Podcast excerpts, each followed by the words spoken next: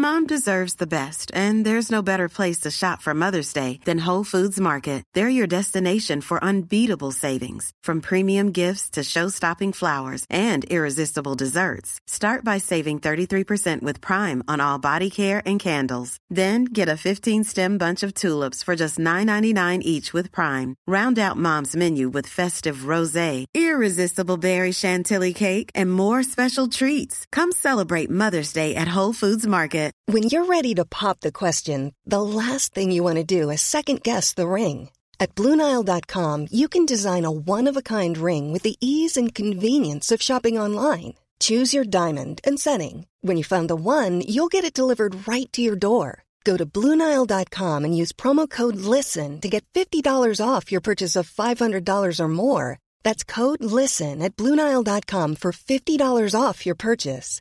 Bluenile.com code LISTEN. A lot can happen in the next three years. Like a chatbot may be your new best friend.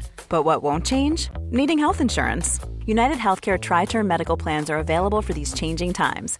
Underwritten by Golden Rule Insurance Company, they offer budget friendly, flexible coverage for people who are in between jobs or missed open enrollment. The plans last nearly three years in some states, with access to a nationwide network of doctors and hospitals. So, for whatever tomorrow brings, United Healthcare Tri Term Medical Plans may be for you. Learn more at uh1.com.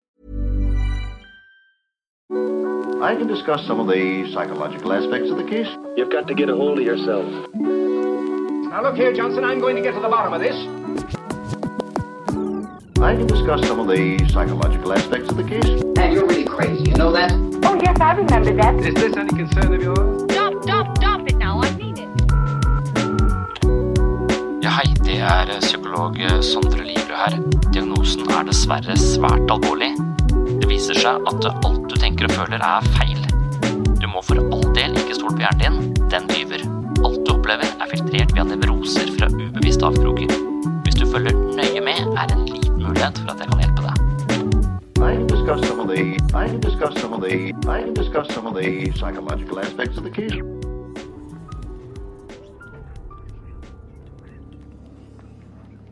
R.L. Stevensons roman The Strange Case of Dr. Jekyll and Mr. Hyde er et eh, fremtredende eksempel på viktoriansk fiksjon. Navnet Jekyll og Hyde har blitt synonymt med multiple personlighetsforstyrrelse. Dr. Jekyll og Mr. Hyde er altså en eh, kortroman av Robert Louis Stevenson, utgitt i 1886. Dr. Jekyll, som er en høyt eh, ansett lege, eksperimenterer med å atskille de gode og onde karakterelementene i sin egen personlighet, og oppnår å inkarnere sine mest djevelske instinkter i en skikkelse han kaller Mr. Hyde. I denne skikkelsen begår han så de verste forbrytelser. Deretter kan han fungere normalt, vennlig og sosialt akseptabelt i sin doktorpersona som heter Jekyll.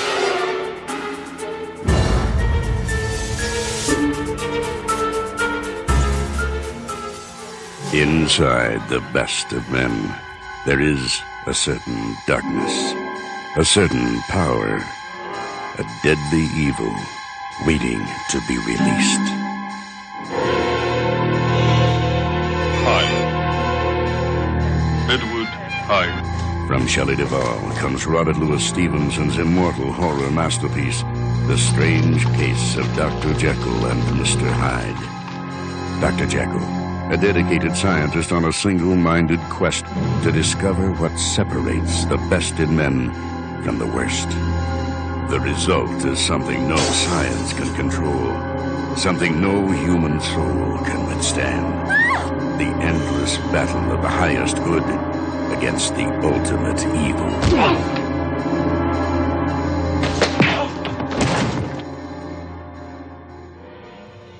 I psykisk helse er det et poeng å føle en slags kontinuitet i egen person. Det vil si at vi har innsikt i egne preferanser og tilbøyeligheter og ser en sammenheng mellom våre mer attraktive og negative sider. Jeg kan være sint og urimelig, men jeg kan også være vennlig og medgjørlig, og dette er ikke spalta opp i to ulike personligheter i meg selv, men ulike varianter hvor jeg er mer eller mindre i emosjonell balanse. Noen ganger mister jeg balansen og blir skikkelig forbanna, men så tar jeg meg i det, og kanskje jeg sier unnskyld dersom jeg kjefta på noen uten god nok grunn. Begge deler er meg, men ikke alle mennesker har en like sterk følelse av sammenheng mellom ulike moduser i seg selv. I verste fall er det ingen sammenheng mellom ulike karaktertrekk og emosjonelle tilstander, og da kan det være ganske vanskelig å føle nettopp denne kontinuiteten som alle trenger for å føle at jeg er meg. Uten en følelse av sammenheng i seg selv kan det også bli vanskelig å forutse fremtiden, og det er psykisk ekstremt slitsomt. Følelsen av at vi kan forutse fremtiden til en viss grad, altså regne ut hvordan vi kommer til å reagere, er helt avgjørende for vår selvfølelse og trygghet. Uten denne forutsigbarheten vil enhver ny situasjon fremstå som uberegnelig og usikker.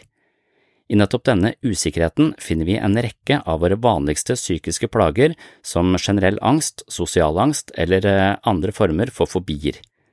I ekstrem eh, forstand har vi en totalt spalta personlighet, og det er her Stevenson finner kilden til en dramatisk fortelling om mennesket på godt og vondt.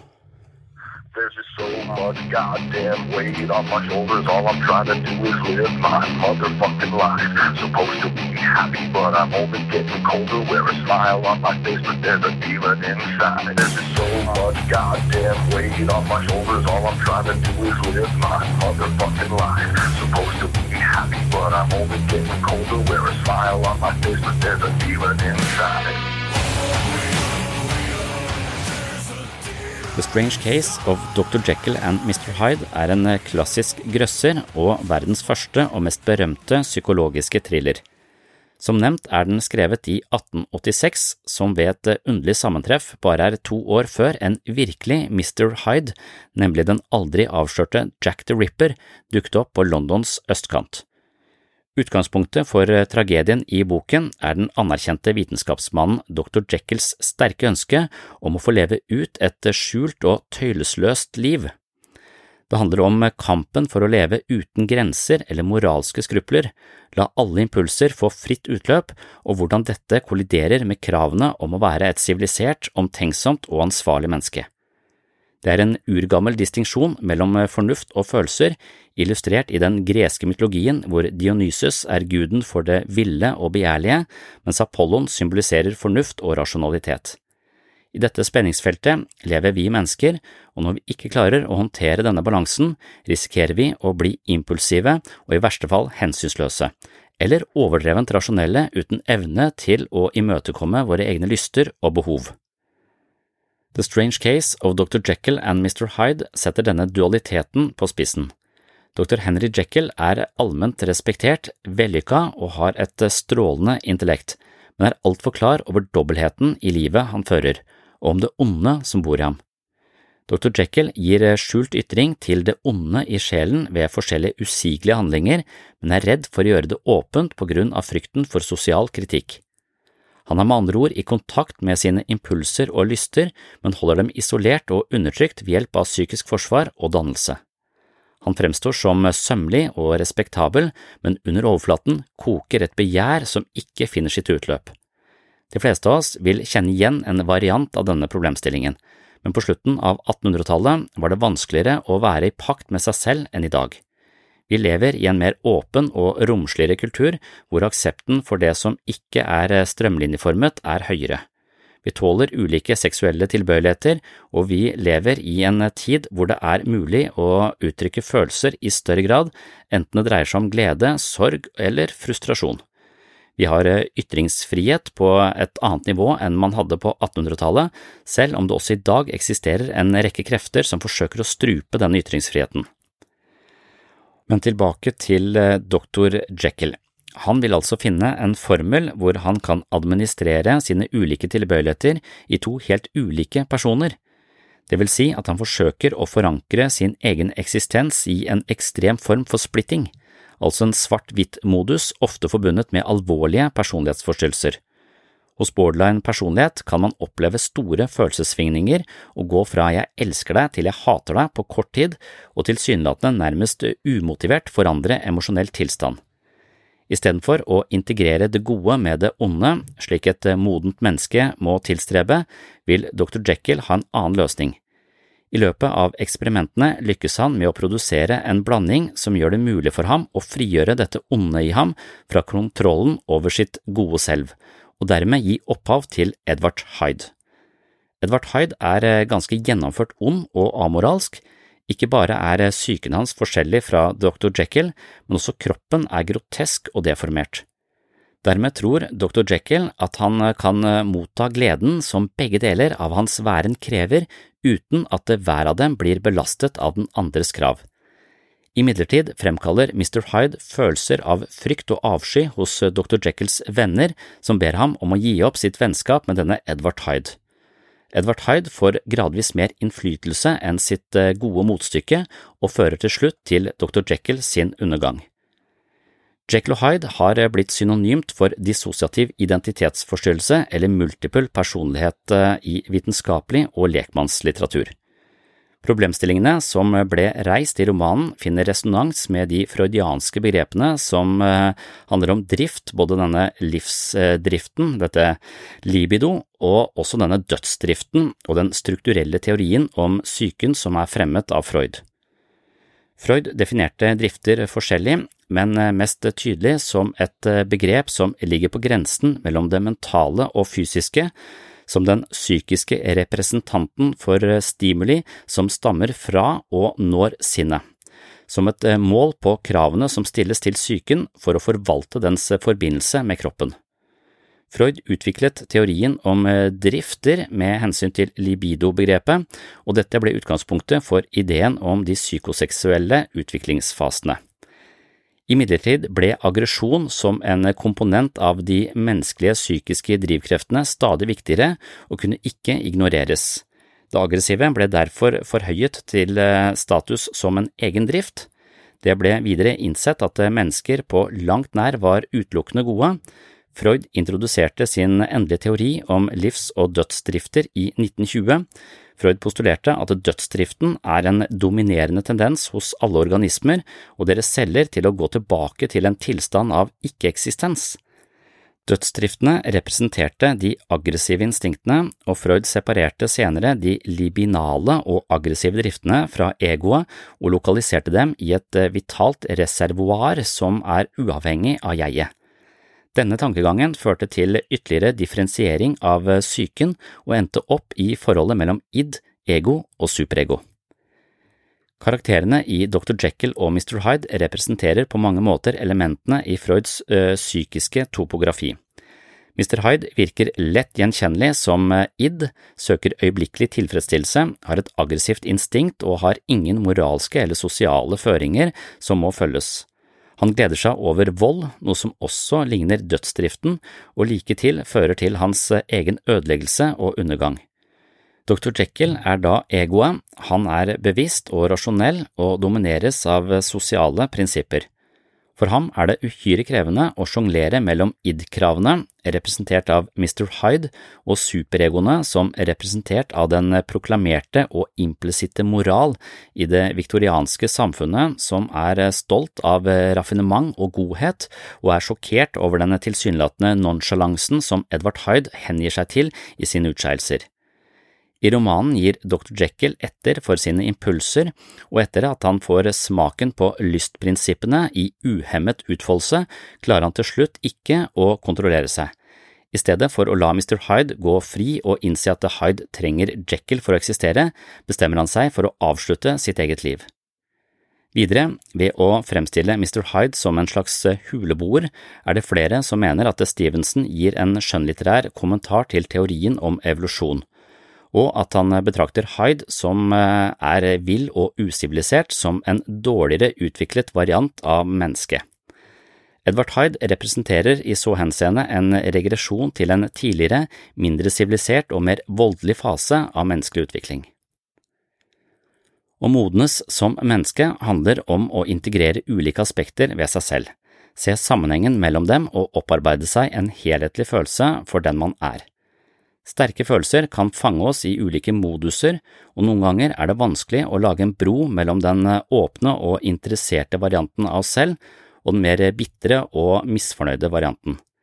Det finnes utrolig mange dualiteter av denne typen innbakt i et komplisert menneske, og følelsen av en viss sammenheng og forutsigbarhet mellom polene i selve er et kjennetegn på psykisk sunnhet. Dr. Jekyll og Mr. Hyde representerer det motsatte altså en nærmest total forandring av modus hvor man ikke opplever noen form for sammenheng mellom modusene man opererer i. Dette ligger tett på det som kalles en spalta eller multiple personlighetsforstyrrelse, men som regel er det ikke så karikert som i romanen til Robert Louis Stevenson.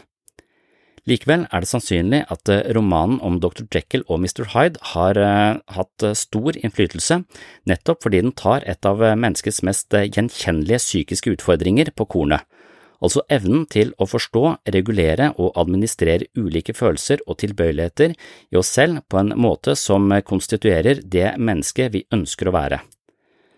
Psykoterapi handler til en viss grad om å utlede ulike aspekter ved oss selv, forstå deres opphav i vår egen fortid og bli kjent med våre mentale reaksjonsmønstre slik at de ikke tar oss på senga og frarøver oss både kontroll og følelsen av sammenheng. Når vi gjennom oppveksten ikke får hjelp, eh, støtte og trygghet nok til å bli kjent med oss selv på en stadig mer integrert måte, risikerer vi å havne i mer oppspaltede moduser som ødelegger relasjonen vi har til oss selv og andre mennesker. Dr. Jekyll og Mr. Hyde karikerer dette i en av verdens mest kjente grøsserromaner.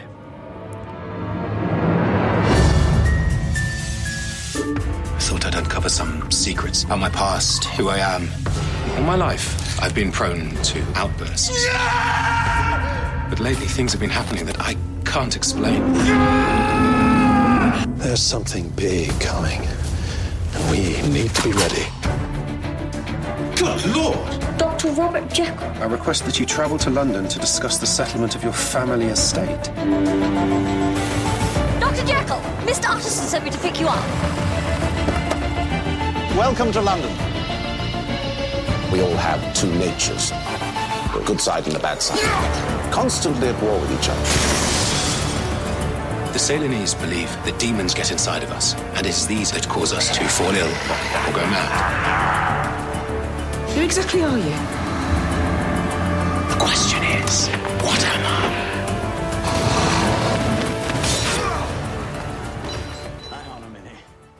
Så som nevnt så er denne dualiteten, altså disse ulike elementene i eh, vår menneskelige natur, noe vi tilstreber å lage broer mellom, sånn at vi ikke fremstår som eh, høyt oppe den ene dagen og langt nede den andre dagen, og ikke klarer å se noen sammenheng mellom disse to eh, modusene i oss selv. Og her har vi jo for eksempel da bipolar lidelse, hvor man kan være euforisk og oppstemt og tro at man er verdens råeste person med veldig god råd, hvorpå man eh, kort tid etterpå, eller noen dager senere, kan innse at det var ikke en spesielt god eller eh, skal si, virkelighetsnær vurdering av eh, oss selv, hvorpå man havner langt nede i et sort hull og ser på seg selv som totalt verdiløs med dårlig råd, hvorpå man kanskje da har brukt litt for mye penger når man var i manien. Det er ikke et uvanlig symptom hos mennesker som opplever en viss grad av mani. Selv så kjenner jeg meg kanskje mest igjen i denne bipolare lidelsen. Jeg er eh, imidlertid aldri veldig langt nede, men jeg kan være veldig, veldig høyt oppe, såpass høyt oppe at det er vanskelig å sove fordi tankene mine går eh, i ett kjør med nye ideer og nye ting jeg vil gjøre, og jeg føler meg helt eh, konge. Mens eh, noen eh, uker senere så innser jeg at det var å ta seg vann over hodet, jeg kan ikke stå inne for alle de planene jeg la på det tidspunktet om å regulere meg selv ned, og det kommer som et eh, slag i magen, det er sånn forbundet med en viss grad av depressivitet, men det er ikke et mørkt hull, heldigvis, da, for mitt vedkommende. Men det å se sammenhengen i disse mm, svingningene, og se at vi fortsatt er den samme personen med litt eh, ulike sinnsstemninger, det er altså kjennetegnet på psykisk eh, sunnhet. Men eh, i sånn ekstrem forstand så har vi ikke da noen følelse av sammenhengen mellom disse elementene i oss selv, og da er det jo ganske vanskelig å føle seg som et helt menneske. Noen ganger kan vi også bruke dette som en slags unnskyldning for å ikke ta ansvar for egne handlinger. Vi bruker av og til alkohol på denne måten. Altså, jeg husker ingenting, altså det jeg gjorde, det kan jeg ikke stå inne for, for det var ikke meg, det var en annen variant av meg selv, forkrøplet av masse alkohol. Og dermed så, så, kan ikke jeg stå til regnskap for det jeg gjorde i går, hvor jeg dreit meg skikkelig ut. Så det er noen som bruker det på den måten, og det kan være at det er sant, at de ikke husker noe, og de ikke kan helt stå til regnskap for det de holdt på med, og at de var utilregnelige i gjerningsøyeblikket. Sånn har jeg det ikke med alkohol, jeg kan egentlig ikke skylde på alkohol, selv om jeg prøver å gjøre det innimellom. Men det er altså dette med ulike forklaringer på hvorfor vi fungerer sånn som vi gjør, og dermed fraskrive oss ansvaret for enkelte elementer i oss selv. Det kan også brukes i krangler, eller for å rett og slett slippe unna ansvar i enkelte situasjoner. Og her kommer en komiker som heter Assad Motavaselli, og han har opplevd en kjæreste som nettopp holdt på med denne typen av ansvarsfraskrivelse.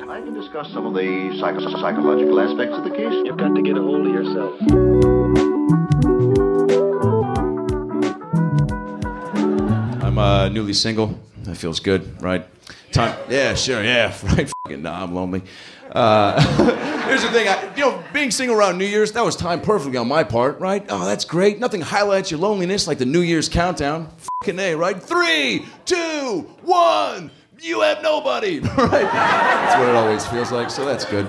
Here's the thing, my ex and I, we fought a lot, which is gonna happen in every relationship. We started fighting about such the stupidest little things. She was really into astrology. Uh, any of you ladies into that stuff? No, you're fucking nuts. Uh, that's no. Maybe I don't know enough about it to understand where you're coming from. But she would use it to justify arguments, and I thought that was really unfair. You know, we get in a huge fight, and the next morning she's like, Oh my god, babe, I'm so sorry. I went uh, I went kind of crazy last night. I was really that was I should have told you what's happening with me right now is that my retrograde is out of sync with the fire moon. and so because I'm an Aries and you're a Gemini, it's not really the ideal month for zodiac energy. So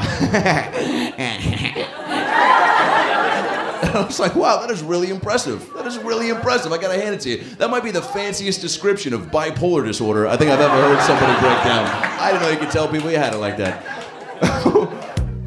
Som avslutning på dagens episode så skal jeg spille av et lite utdrag fra et foredrag hvor jeg snakker om denne dualiteten i det å være menneske, altså at vi i det ene øyeblikket kan ha sterke følelser og se verden på en bestemt måte, mens vi kort tid etterpå kan endre følelsesmessig tilstand og se verden på en ganske annen måte, og ikke egentlig se at disse to disse to livsperspektivene henger egentlig ikke på greip, altså vi ser verden i helt forskjellige nyanser fra den ene timen til den andre, og så har vi ikke på en måte noen følelse av sammenheng mellom disse, eller vi klarer ikke å forklare sammenhengen, vi later som om det ikke er noen diskrepans mellom den vi var tidligere på dagen og den vi for eksempel er på kvelden.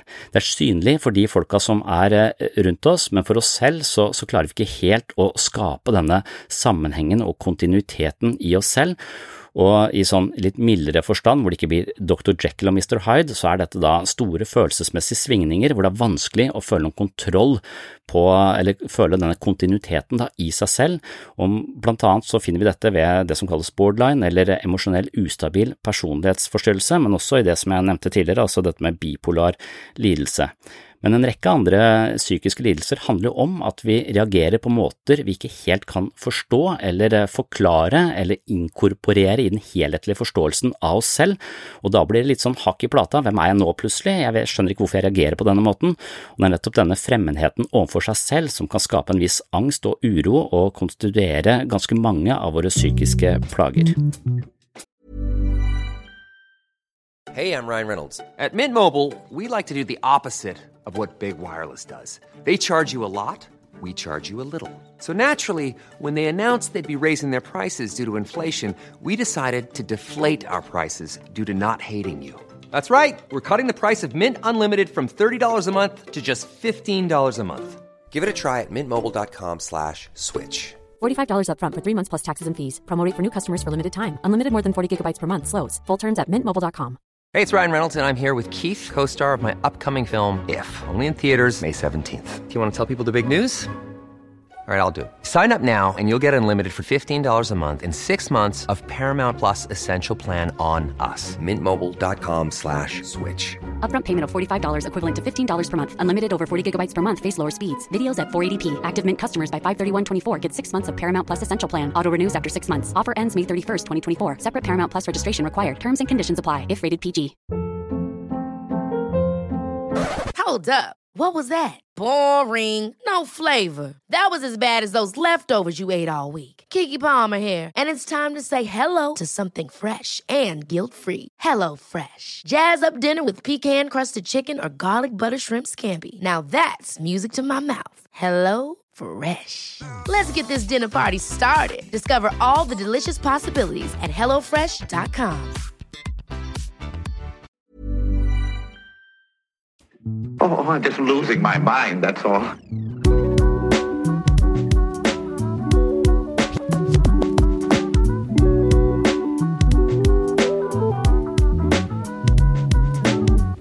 Da er det snakk om eh, følelsessvingninger, kanskje. Eller det som kan kalles for en emosjonell ustabilitet. Det er en ganske krevende, krevende posisjon å være i hvis man har veldig svingende følelser, og veldig sterke følelser, for følelser farger så mye av eh, perspektivet vårt. Og hvis de følelsene svinger veldig fra det ene til det andre, fra den ene polen til den andre polen, så er det vanskelig å føle en slags sammenheng i seg selv. Og uten en følelse av sammenheng, så er det vanskelig å kjenne seg selv. Og dermed så kan man få en litt sånn kaotisk opplevelse av å være. Så man kan nesten se på psykisk helse av og til som en følelse av sammenheng. Og Det er derfor man også kanskje kvier seg for forandring, for forandring vil eh, fucke opp litt denne sammenhengen vi har etablert da, mellom eh, den vi er nå, og den vi er om en time, og den vi er i morgen. Og med en emosjonelt ustabil personlighetsforstyrrelse, f.eks., så kan man risikere å svinge veldig mye også innad i løpet av en dag. Man kan oppleve at de menneskene av og til, til og med i en samtale, kan eh, si mot seg selv, f.eks., for eksempel, fordi de kan ha det ene perspektivet og mene det er veldig sterkt og være veldig emosjonelt investert i den måten å se det på. Men senere så kan de ha endra det og se på det helt motsatt, uten egentlig at de opplever noe stor uoverensstemmelse i seg selv, for de har gått fra den ene modusen til den andre. Og hvis disse modusene ikke henger sammen, ikke er integrerte, så blir det som å Ja, da, da, er noen, da, er det ikke noen, bro mellom eh, det jeg mente i stad, og det jeg følte i stad, og det jeg føler nå. Og da får vi litt denne eh, det er ikke spalta, men det er vanskeligheter med å kjenne seg selv da, som, et, eh, som, et, menneske med en fortid, en nåtid og en fremtid. Føle denne kontinuiteten i eh, livet vårt, som er ganske viktig for å ha en sense of self, på en måte. Så når det gjelder disse personlighetsforstyrrelsene, så sier man ofte at de, de, er, de kommer i tre forskjellige clusters, eller paraplyer. Så du har, eh, du har de redde, og så har du de ville. Og denne emosjonelle ustabiliteten, den hører til eh, hos eh, de ville. Så du har de redde, de ville og de rare. Det er de, det er de tre kategoriene, og under hver kategori så er det ulike Så finnes det to-tre forskjellige beskrevne personlighetsforstyrrelser. Da. Så de rare, det er de schizoide og schizotype. Mens de redde, det er de engstelig unnvikende og til dels eh, paranoide. Mens eh, denne følelsessvingningene, disse emosjonelt ustabile, de er, eh, hører til de ville. Sammen med narsissistisk, antisosial og histrionisk personlighetsforstyrrelse. Så det er ganske voldsomme begreper man bruker på dette. Men de ville fordi at det er pulserende, det er sterke følelser, det er jo manglende kontroll på følelser. Sånn, og det er vanskeligheter med å integrere ulike følelsespar i en og samme person. Så, vi, så ved en alvorlig borderline så vil du enten være elsket eller hatet. Og nettopp den der eh, kombinasjonen av disse voldsomme følelsene fra å være elsket og hatet, det skaper ganske intense relasjoner. Det, blir, eh, det er liksom Italienske operaer er bygd på den typen dynamikk. Jeg elsker deg nå, så hater jeg deg nå, så elsker jeg deg nå. Så, sånn at det, det, er det som skaper kraften, liksom, i den uh, uh, musikken. I hvert fall sånn jeg ser det, for jeg skjønner ikke hva de sier. jeg bare ser Nå er de sammen, ja. Nei, nå er de ikke sammen. Nå er de sammen, ja. Så, så jeg klarer ikke å følge med i handlingen overhodet. Bare syns det foregår, uh, for, foregår mye. Så det å, det å så føle eh, så, så sterkt, det vil jo også, også, farge perspektivene våre ofte tvinge oss inn i ett ganske egenrådig perspektiv. Og så kan vi siden eh, falle ut i et helt annet eh, perspektiv. Og så lenge vi ikke klarer å skape noe bro mellom disse perspektivene og se og kjenne oss selv såpass godt at ja, men i stad så var jeg såpass påvirka av de og de faktorene, så da så jeg det på den måten. Nå innser jeg at dette også hører sammen, så jeg ser det nå litt mer nyansert.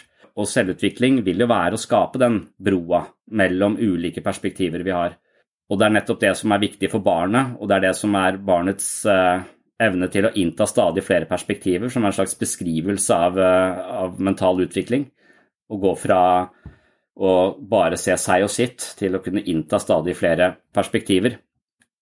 Så mellom de følelsene vi har og de reaksjonene vi får, så har vi et uh, repertoar av ulike perspektiver vi kan koble på for å ikke handle overilt eller, uh, eller se ting på en veldig snever, snever måte.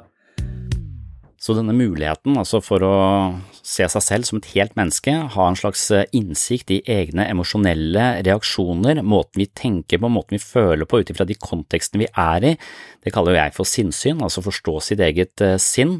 Og det å ha denne innsikten, det tror jeg er ganske avgjørende for å føle denne kontinuiteten i seg selv.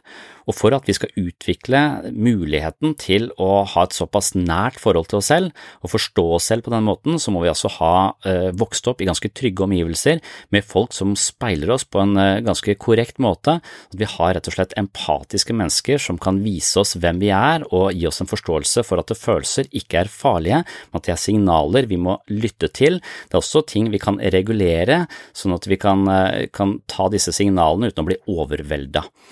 Så en eh, trygg oppvekst det er liksom hjørnesteinen i eh, psykisk sunnhet, og det er jo nesten alle utviklingspsykologiske teorier enig i. Og For å avslutte dagens episode så skal jeg kort se på hva bør vi egentlig da gjøre som foreldre for å avhjelpe barna våre, sånn at de får en slags eh, god fornemmelse for seg selv, en forståelse for egne emosjonelle reaksjoner, ikke en frykt for sitt eget indre liv, men kan utarbeide eller opparbeide seg denne følelsen av sammenheng i seg selv, sånn at de kan fungere som et eh, stabilt menneske også i voksen alder. Så jeg vet ikke om jeg er noen ekspert på dette, men eh, jeg har i hvert fall eh, noen ideer om det som jeg ikke helt klarer å sjøsette i eget liv, men jeg gjør så godt jeg kan. I can discuss some of the psychological aspects of the case. You've got to get a hold of yourself.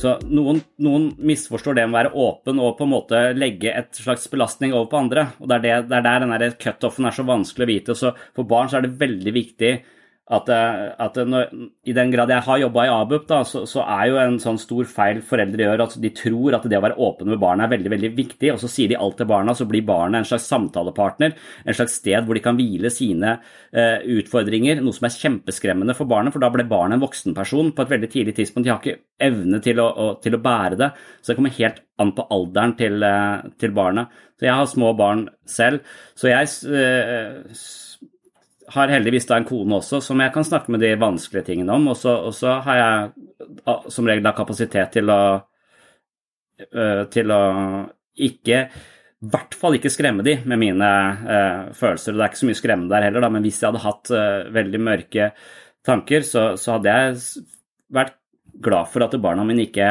ikke, kom for tett på det. Men hvis det var så vanskelig at jeg ble f.eks. lagt inn, eller at jeg, at jeg virkelig var, uh, var syk, så hadde jeg trengt litt hjelp til å få fortalt dem noe om dette. Og da er disse filmene som er laget nå om skyggen og disse, disse små snuttene, masse bøker på biblioteket osv., så, videre, så vil jeg håpe at f.eks. kona mi eller noen andre i nærheten kunne, hvis ikke jeg hadde klart det selv, kunne forklare dette på en sånn eh, forståelig måte. At eh, det fins eh, tanker og følelser som kan slå deg, eh, slå deg ned. Det er for tett på disse følelsene. Jeg klarer ikke å ha denne oversikten. Det er ikke farlig. Det er sterke følelser. Det kan jo for så vidt være farlig hvis du hvis du har smelta helt sammen med dem. Men barnets fantasi er jo også, også farlig. For hvis du ikke klarer å være til stede for de menneskene som er rundt deg, så er du på et sted hvor, hvor folk vil merke det, og da er det kanskje viktig å gi dem ett språk, i hvert fall. Sånn at det ikke bare barnets fantasi For barnets fantasi er jo da tilbøyelig til å tenke at det, nettopp at de spalter altså det, er, det er meg det er noe galt med, det er ikke noe galt med deg. For hvis det er noe galt med deg, så er det ingen som tar vare på meg, derfor så må det være meg det er noe galt med. Så Derfor så er barn så ekstremt selvhenførende. Så det å ha et visst språk på det er også, også på en måte viktig, da. Så det er vanskelig å si noe konkret om det. Eller Så kanskje en veldig viktig ting å gjøre, drive et slags sånn eh, dugnad, åpenhetsarbeid hele tiden, når, når, det ikke har gått så langt at det er liksom at man ser helt svart på livet, for da er det liksom bare en tåke men underveis si at ah, nå er jeg utrolig frustrert pga. dette. Og så ja, Ser du at jeg er litt, eh, litt, hissig nå? Det er fordi at eh, sånn, helt unødvendig, altså at man, at man, prøver å være litt gjennomsiktig underveis, sånn at barnet slipper å gå og lure på hvorfor er pappa forbanna nå. Jo, det er fordi jeg må selge sykt masse doruller, og, og, og det irriterer meg. For det er mye annet jeg heller ville brukt tida mi på. Jeg trenger ikke å si det på den måten, men jeg kan liksom jeg, hvis jeg kjenner at jeg har, uh, har, følelsessvingninger som er merkbare, så bør jeg kanskje gi det et språk. Det hjelper for meg, og det hjelper for de som er rundt meg, for da slipper de å ta det i sin, uh, i sin sekk. Men det, det, krever jo at vi hele tiden øser båten, for det må ikke bli så fullt at uh, vi, vi, ikke vet hvor vi skal begynne. Vi må klare å koble det til de elementene som er på spill, for da tror jeg vi opplever det som gjennomsiktig, og så tror jeg barn forstår at følelser er ikke farlige. Følelser kan være sånn og sånn, trenger ikke ha noe med meg å gjøre. så idet jeg beskriver mitt, mitt, indre liv og legger det ut, sånn at de slipper å lure på det, så kan de også kanskje spare og, og kanskje i større grad fortelle meg om hvordan deres indre liv ser ut. For idet jeg gir det et språk, så kanskje jeg også de kan adoptere den dialekta og si ja, jeg følte det litt sånn, jeg føler av og til at hun presser meg litt. Så når hun ringer, så vil hun noe, så syns jeg det er vanskelig å si nei, sier hun. Og så, ja, hva er det som skjer da? Så, så, har vi allerede lagt opp til at vi har et språk på disse litt vanskelige tingene som oppstår uh, i hverdagslivet, på en måte. Det kommer jo an på hvor, hvor, mye ansvar foreldrene selv tar for sine egne følelser. For jeg tror det er helt umulig å ikke legge sine egne følelser over på barna innimellom. Jeg kan lett på en måte komme inn i en modus for jeg argumenterer for at det, min irritasjon er på grunn av at de er sånn, og så forteller jeg dem det ganske tydelig. Og så kan jeg etterkant skjønne at det, ah, men det var nok litt den dagen du hadde hatt også. Her kom det litt mye, og så kan jeg si du, hvis du da kan reparere det, og så sier du de posene jeg ga deg i stad, de var egentlig mine. Eh, og nå skal jeg fortelle deg hvorfor jeg hadde de med meg, sånn at du kan, kan rydde opp etter deg. Altså, og det er det vanskelige, da. Å ta ansvar for sine ting i det. Og, og det, det, tror jeg er kjempeviktig. Jeg tror, jeg, tror, jeg tror, vi kommer til å legge våre poser over på andre folk som er rundt oss uansett. Men idet vi klarer å oppdage det og klarer å ta det tilbake igjen, så har vi kanskje lært Istedenfor å gi barna en byrde, så har vi kanskje lært dem noe uh, viktig. Så vi kan bruke de feilskjærene våre til å vokse. Og på dette området så er jeg en litt sånn frustrert pappa i den grad at jeg leser oppdragelsesbøker og barnepsykologi og misforstår det. Og hvis jeg misforstår det, så tenker jeg kanskje at andre også misforstår det, for jeg får en fornemmelse av at jeg alltid skal irettesette barn med fullstendig kontroll uten å heve stemmen. Du skal ikke kjefte på barn, eh, står det. Du skal, bare, du skal kunne irettesette de med ro. Og det er for meg eh, merkelig, fordi at det, det krever Altså, jeg når jo ikke gjennom. De er veldig følelsesmessig oppe, og hvis jeg bare alltid snakker med samme toneleie, så føler jeg at det krever en enorm mentaliseringsevne hos barna for å forstå hva jeg føler for det jeg sier.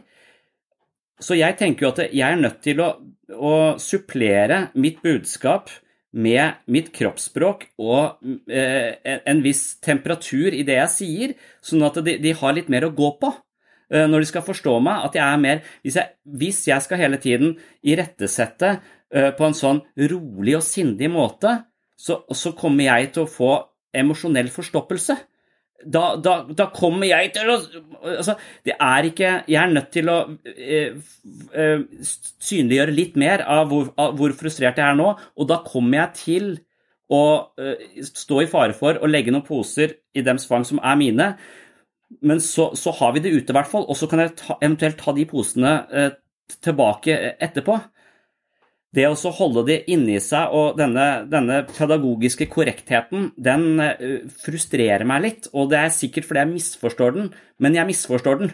Jeg leser at jeg skal hele tiden eh, være um, sindig og rolig og, og sånn i, i møte med, med, barna, men da, da ble jeg jo overkjørt. Da er det ingen som hører meg. Altså, da ble jeg jo borte i dette.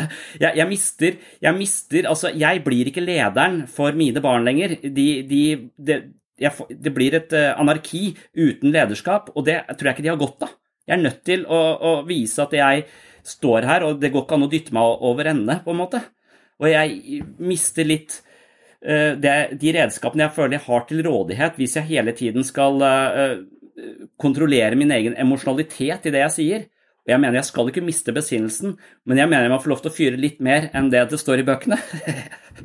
De siste segmentene du hørte i denne episoden var kun korte utdrag fra et eh, lengre foredrag som du finner på patron.com for slash sinnssyn. Det var eh, altså et utdrag fra en episode som ligger på min Patrion-side, og denne episoden heter episode 36, og den heter rett og slett Dr. Jekyll og Mr. Hyde. Der eh, går jeg enda mer inn i denne dualiteten i mennesket, dette forholdet mellom eh, fornuft og følelser, eh, begjær og sosiale krav osv., altså disse kompliserte samspillene som vi er nødt til å forvalte for å finne en god balanse i, et, i livet. Så hvis du vil høre mer om bipolar lidelse, eh, emosjonell ustabil personlighetsforstyrrelse og denne grøsserromanen fra slutten av 1800-tallet, Dr. Jekyll og Mr. Hyde, så kan du også besøke patron.com for segs sinnssyn og søke opp episode 36. Inne på Sinnsyn der er det masse ekstramateriale. Det er en side jeg har oppretta for at eh, de som finner verdi her på Sinnsyn, kan støtte prosjektet. Det er kun de som har eh, mulighet til å støtte prosjektet jeg ønsker støtte fra. Jeg vil at eh, så mange som mulig skal eh, ha eh, sinnssyn tilgjengelig og kunne høre på det hvis de finner en eller annen form for mening i det jeg babler om her inne. Men for at jeg skal drive podkasten, så må jeg altså ha en inntektskilde, og inntektskilden min det har blitt patron.com. Så der inne så er det noen som støtter prosjektet. Det gjør at jeg kan holde på med dette, denne podkasten hver eneste uke, og det setter jeg enormt stor pris på. Så tusen hjertelig takk til dere som er patron-supportere. Som patron-supporter, da blir du altså en del av uh, Sinnsyns mentale treningsstudio. Inne på Patron så får du masse ekstra episoder. Du får også mentale øvelser som jeg har laget eh, med henblikk på å kunne ja, vi kan forstå teorien om menneskets indre liv, men det å materialisere denne innsikten i livet sitt, det eh, krever litt innsats, og da må man gjøre enkelte øvelser, så jeg mener at eh, mentale øvelser det er bindeleddet mellom teori og levd liv. Så inne på Patron så lager jeg en ny øvelse hver måned for de som støtter prosjektet på kretsmesternivå og landslagsnivå. Så du kan velge nivå, du kan gå inn med en 50-lapp i måneden, eller 80 kroner i måneden, eller 130 kroner i måneden, og ut ifra det beløpet du da investerer, så får du også en masse ekstra materiale fra denne podkasten. Det var det eh, jeg hadde for eh, denne gang. Takk for eh, følget, og på gjenhør i neste episode. Oh, I'm just losing my mind, that's all.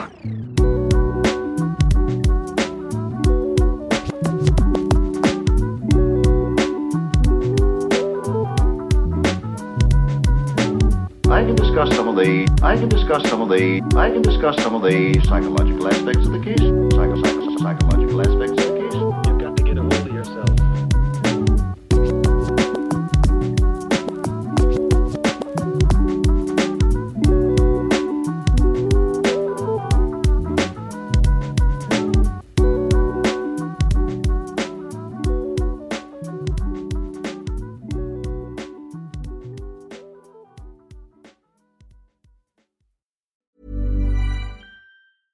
Mom deserves the best, and there's no better place to shop for Mother's Day than Whole Foods Market. They're your destination for unbeatable savings, from premium gifts to show-stopping flowers and irresistible desserts. Start by saving 33% with Prime on all body care and candles. Then get a 15-stem bunch of tulips for just $9.99 each with Prime. Round out Mom's menu with festive rosé, irresistible berry chantilly cake, and more special treats. Come celebrate Mother's Day at Whole Foods Market. Even on a budget, quality is non-negotiable. That's why Quince is the place to score high-end essentials at 50 to 80% less than similar brands. Get your hands on buttery soft cashmere sweaters from just 60 bucks, Italian leather jackets, and so much more. And the best part about Quince, they exclusively partner with factories committed to safe, ethical, and responsible manufacturing. Elevate your style without the elevated price tag with Quince. Go to quince.com slash upgrade for free shipping and 365-day returns.